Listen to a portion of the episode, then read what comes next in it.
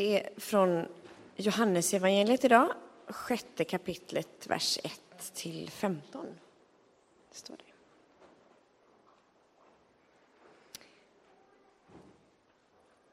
Sedan for Jesus över till andra sidan av Galileiska sjön, eller Tiberias sjön. Mycket folk följde efter, därför att de såg de tecken han gjorde genom att bota de sjuka. Och Jesus gick upp på berget och satte sig där med sina lärjungar. Det här var strax före judarnas påskhögtid. När Jesus lyfte blicken och såg att så mycket folk var på väg till honom sa han till Filippos. Vad ska vi köpa bröd så att alla dessa får någonting att äta? Det sa han för att pröva Filippos, för själv visste han vad han skulle göra. Filippos svarade, ja, det räcker inte med bröd för 200 dinarer om alla ska få en bit var. En av lärjungarna, Simon Petrus bror Andreas, sa, här är en pojke som har fem kornbröd och två fiskar. Men varför slår det till så här många? Jesus sa, låt folket slå sig ner. Det var gott om gräs på den platsen och de slog sig ner. Det var omkring 5 000 människor. Jesus tog brödet, tackade Gud och delade ut åt dem som låg där. Och likaså av fiskarna, så mycket de ville ha. När de hade ätit sig mätta sa han till lärjungarna Samla ihop bitarna som har blivit över så att ingenting förfars. De samlade ihop dem och fyllde tolv korgar med de bitar av de fem kornbröd som hade blivit över när de hade ätit. Då människorna såg vilket tecken han hade gjort så sa de detta måste vara profeten som ska komma hit till världen. Men Jesus som förstod att de tänkte tvinga med sig honom och göra honom till kung. Han drog sig undan till berget igen i ensamhet. Får jag förena oss i en bön först? Tack Herre för ditt ord. Nu ber jag för mig och jag ber för oss om öppnade sinnen så att vi känner igen dig.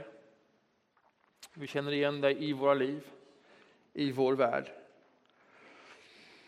Och jag ber stärk vår tro, öka vårt hopp och uppliva vår kärlek. Amen. Vi har hört läsas den berättelsen om brödundret. Den enda berättelsen om ett under som återkommer i alla fyra evangelium.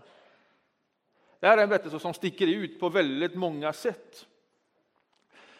Eh, som var viktiga och viktig för dem alla fyra. Jag gissar att om man inte har vuxit upp och skolats in genom söndagsskola och barnkyrka och annat och hört berättelserna, så en av de få berättelser man ändå känner till är just denna om brödundret. Och har man vuxit upp här och inte kommer ihåg mycket annat så kommer man ihåg denna berättelse. Därför att den är så fantasieggande. Hur så lite kan bli så mycket. Jag menar, alla sorters idéer och tankar går ju igång när man hör en sån text och berättelse läsas. Men vad är, vad är evangeliet i den texten? Vad är budskapet? Vad är de goda nyheterna som Jesus vill få oss att höra genom denna så märkvärdiga berättelse? Vad är det vi ska höra? Jag skulle önska att vi kommer in i, in i berättelsen, in i storyn. Jesus har dragit sig undan tillsammans med lärjungarna. De har tagit sig upp på ett berg Härifrån har man en skön överblick vad som händer. Tänk dig att du är en av de där lärjungarna som har varit med ett tag nu och du följer med och ni går dit och ni drar er undan. Och för att få lite andhämtning och paus. Och sen ser du hur Jesus lyfter blicken.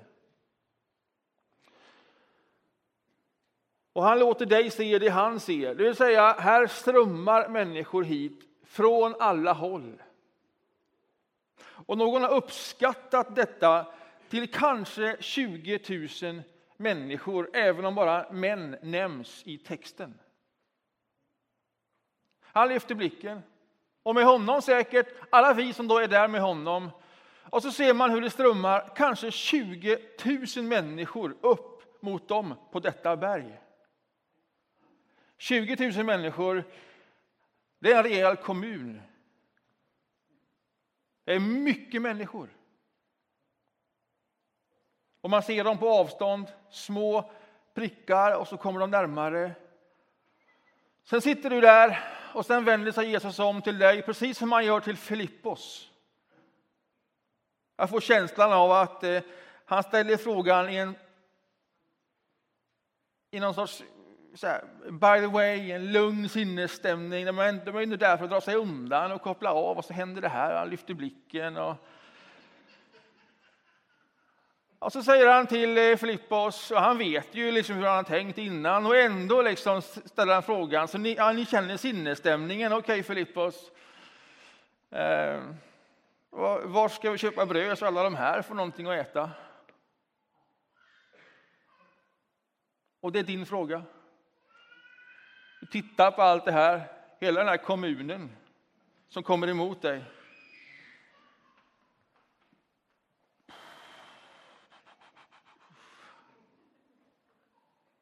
Var ska vi köpa bröd så alla de här får någonting att, att äta? Det här är ju Jesu pedagogik som återkommer igen och igen och igen. Han visste svaret, han hade någon idé om hur det här skulle gå till och ändå börjar han inte med det. Utan han börjar med att ställa dig frågan, okej, okay, hur löser vi det här? Och så tvingar han dig in på insidan av situationen och sammanhanget och börjar själv reflektera över, ja, hur ska vi lösa det här? Det är typiskt Jesus. Och så blir vi delaktiga på djupet i det som sker och bidrar in i detta. Jag tror alla har fått den här frågan någon gång i sitt liv. Några återkommande, några för ofta. Genom en övermäktig situation på jobbet, i skolan, i hemmet, familjen. Vad det nu kan vara, men övermäktigt i meningen du vet inte hur du ska ro i land detta. Var ska jag ens börja? Det är liksom för stort för att börja nysta i frågan. Det behöver inte vara så storslaget som en kommun som kommer emot dig utan mat. Men från din horisont är det storslaget. Alltså utifrån din energinivå, utefter dina tillgångar och möjligheter så är det som du har framför dig storslaget, oöverkomligt och du vet nästan inte vart du ska börja. Hur löser vi det här? Var ska vi köpa bröd så alla de här får någonting att äta? I den situationen kan man få för sig att Jesus är långt borta. Notera nu att i den frågan kanske han är mycket närmare än vad du förstår. Bara i frågan hur löser vi det här finns han med. Tänk om det är han som faktiskt är med och ställer frågan in i den situationen. Innan du bara rusar in i allting så ställer han frågan så att du reflekterar över detta övermäktiga. Vad gör vi åt det här? Hur ror vi i land detta? Och sen är jag också övertygad om att flera av oss tänker då som Filippos gör, för det är det vi gör. Ja, hur ror vi i land detta? Alltså, det här räcker inte ens med 200 denarer. En denar, ja, det var typ en dagslön. Så det är en årslön. Alltså, det räcker inte ens med en årslön för ro i land detta.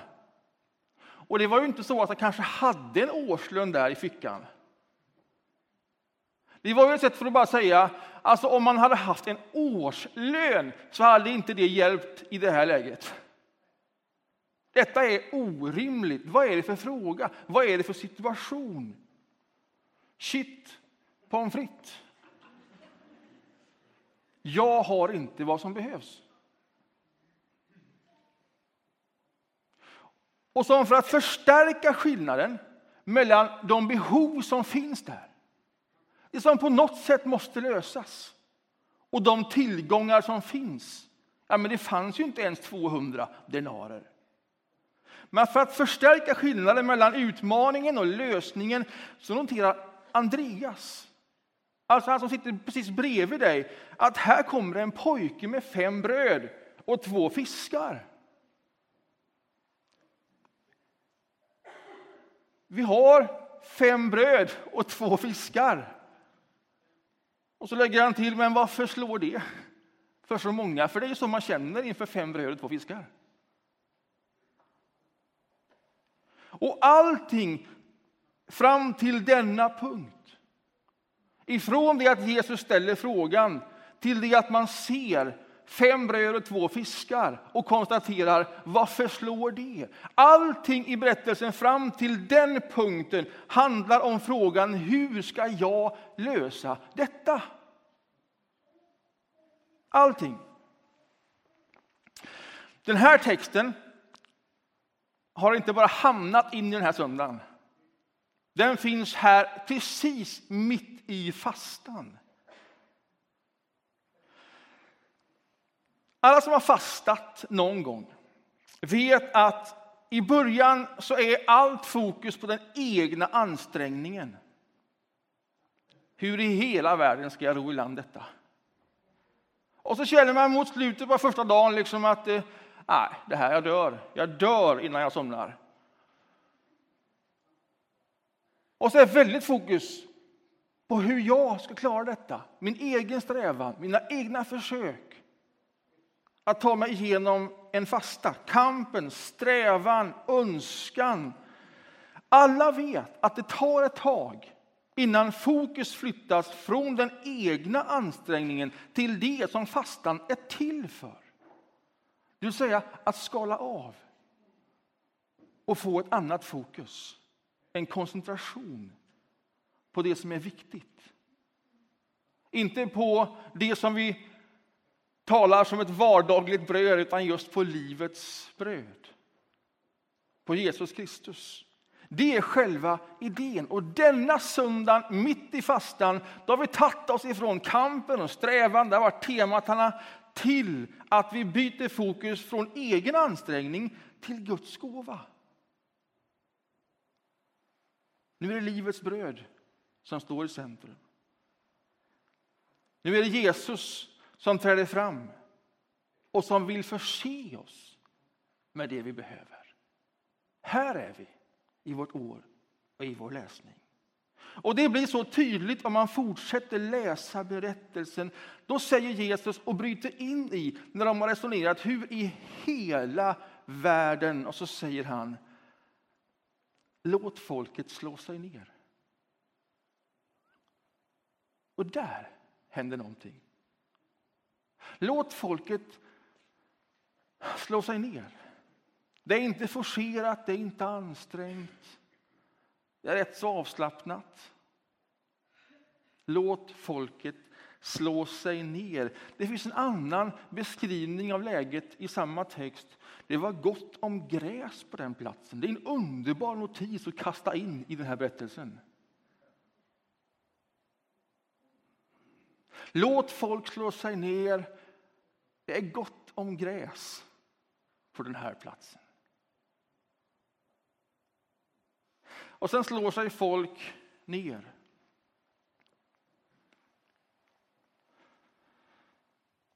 Kanske är det som svårast för den som alltid är stark. För den som alltid rycker in och hjälper till när människor behöver. Den som alltid tycks ha den energin och de möjligheterna, som alltid står på den sidan. Detta är evangeliet också till dig denna söndag. Också du behöver slå dig ner. Gräset är grönt också för dig. Sätt dig ner. Och byt fokuset från det att du alltid är den som hela tiden står på den sidan till det att du slår dig ner, gräset är grönt och du tar emot. Du går från det du gör till det han gör. Från din kraft till hans kraft. Och inför Jesus är vi alla på samma punkt.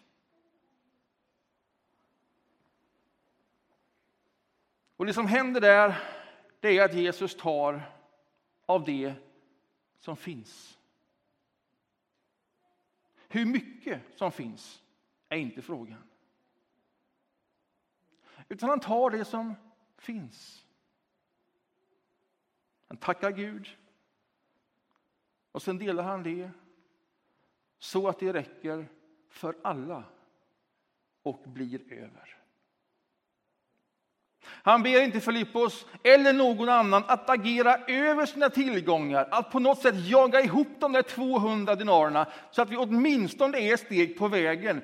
Ingenting av det finns i den här berättelsen. Han låter alla slå sig ner där det är grönt. Alla. Han tar av det som fanns. Fem röd, två fiskar. Tackar Gud delar ut det så att det räcker till alla och blir över.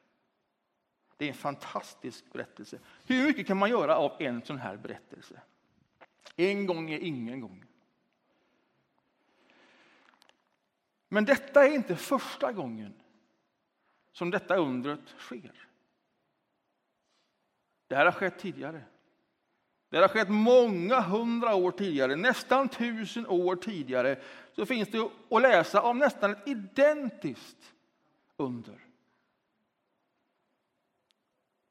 Här läser man i Andra Konungaboken kapitel 4 och vers 42. Lyssna här. En man kom från Baal, Shalisha, till gudsmannen med 20 kornbröd bakade på det första av den nya skörden och med färska ax av sin gröda.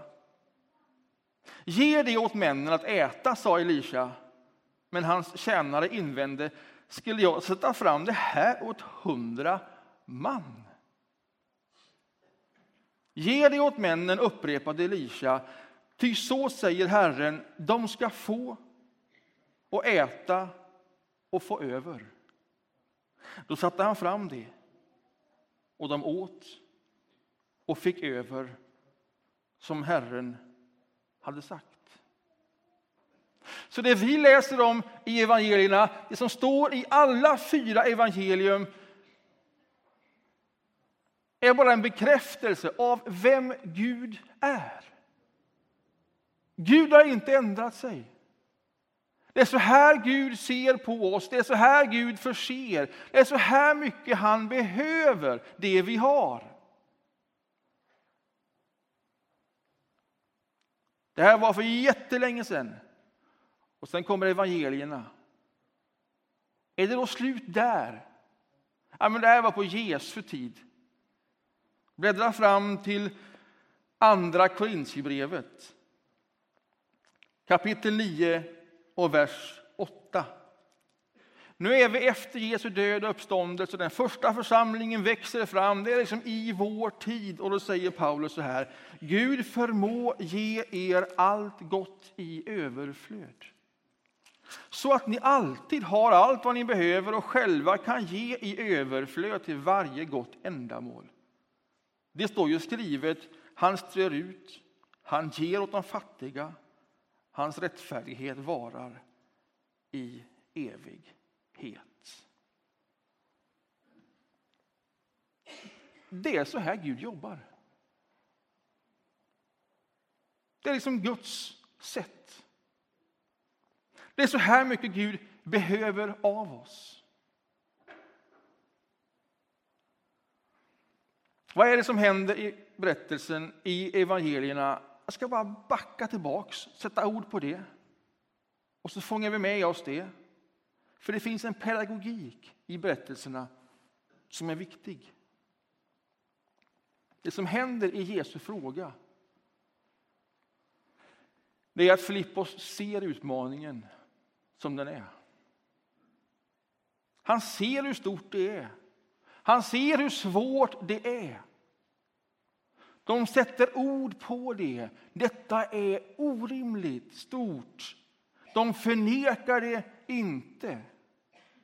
Det är inte bara positivt tänkande som ska göra den stora skillnaden. Det är inte en mental träning som också har något att tillföra, men inte här, i den här texten. Din mentala styrka tar dig inte igenom situationen. Då är du fortfarande kvar och arbeta med dina egna resurser och tillgångar. Utan Jesus hjälper Filippos att se verkligheten som den är. Hur ser det ut Filippos? Så här ser det ut. Grattis! Sätt ord på det du har så du vet vad du har framför dig. Men låt dig inte nedslås av verkligheten. Därför att övningen är att gå då ifrån sin egen ansträngning och kraft. Ifrån koncentration på mig själv, mina egna resurser och tillgångar till honom och till hans kraft. Du tar det du har. Du tar din energinivå, dina tillgångar, din vilja, din längtan, din tro, din vision. Vad gör du med det? Ja, det tar du. Och sen tackar du Gud för det du har. För det är vad Jesus gör. Det kanske inte är mycket i dina ögon, men det är inte viktigt. Det du har, har du fått. Och det du har tackar du Gud för. Gud ber dig aldrig att agera över dina tillgångar eller din energinivå. Du står där du står. Du har vad du har. Också det är en gåva. Och Jag tänker mig att detta är en daglig övning. Detta är en livshållning. Avsluta varje dag med en sån enkel övning. Hur ser livet ut? Vad är det jag har? Sätt ord på det. Förneka inte utmaningen. Men tacka ändå Gud för det du har.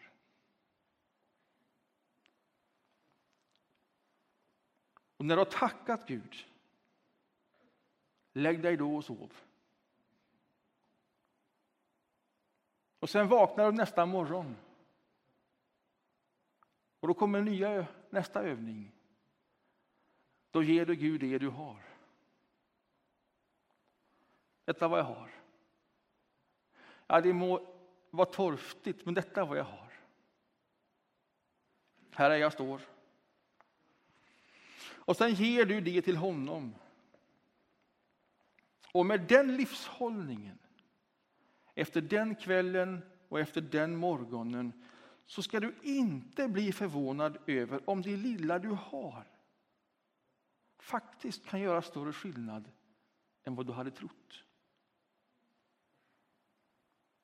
Skillnaden mellan utmaningen och dina möjligheter är inget problem för Gud. Ge utmaningen till Jesus. Ge vad du har. Och du ska se att det blir till välsignelse för många fler. Amen.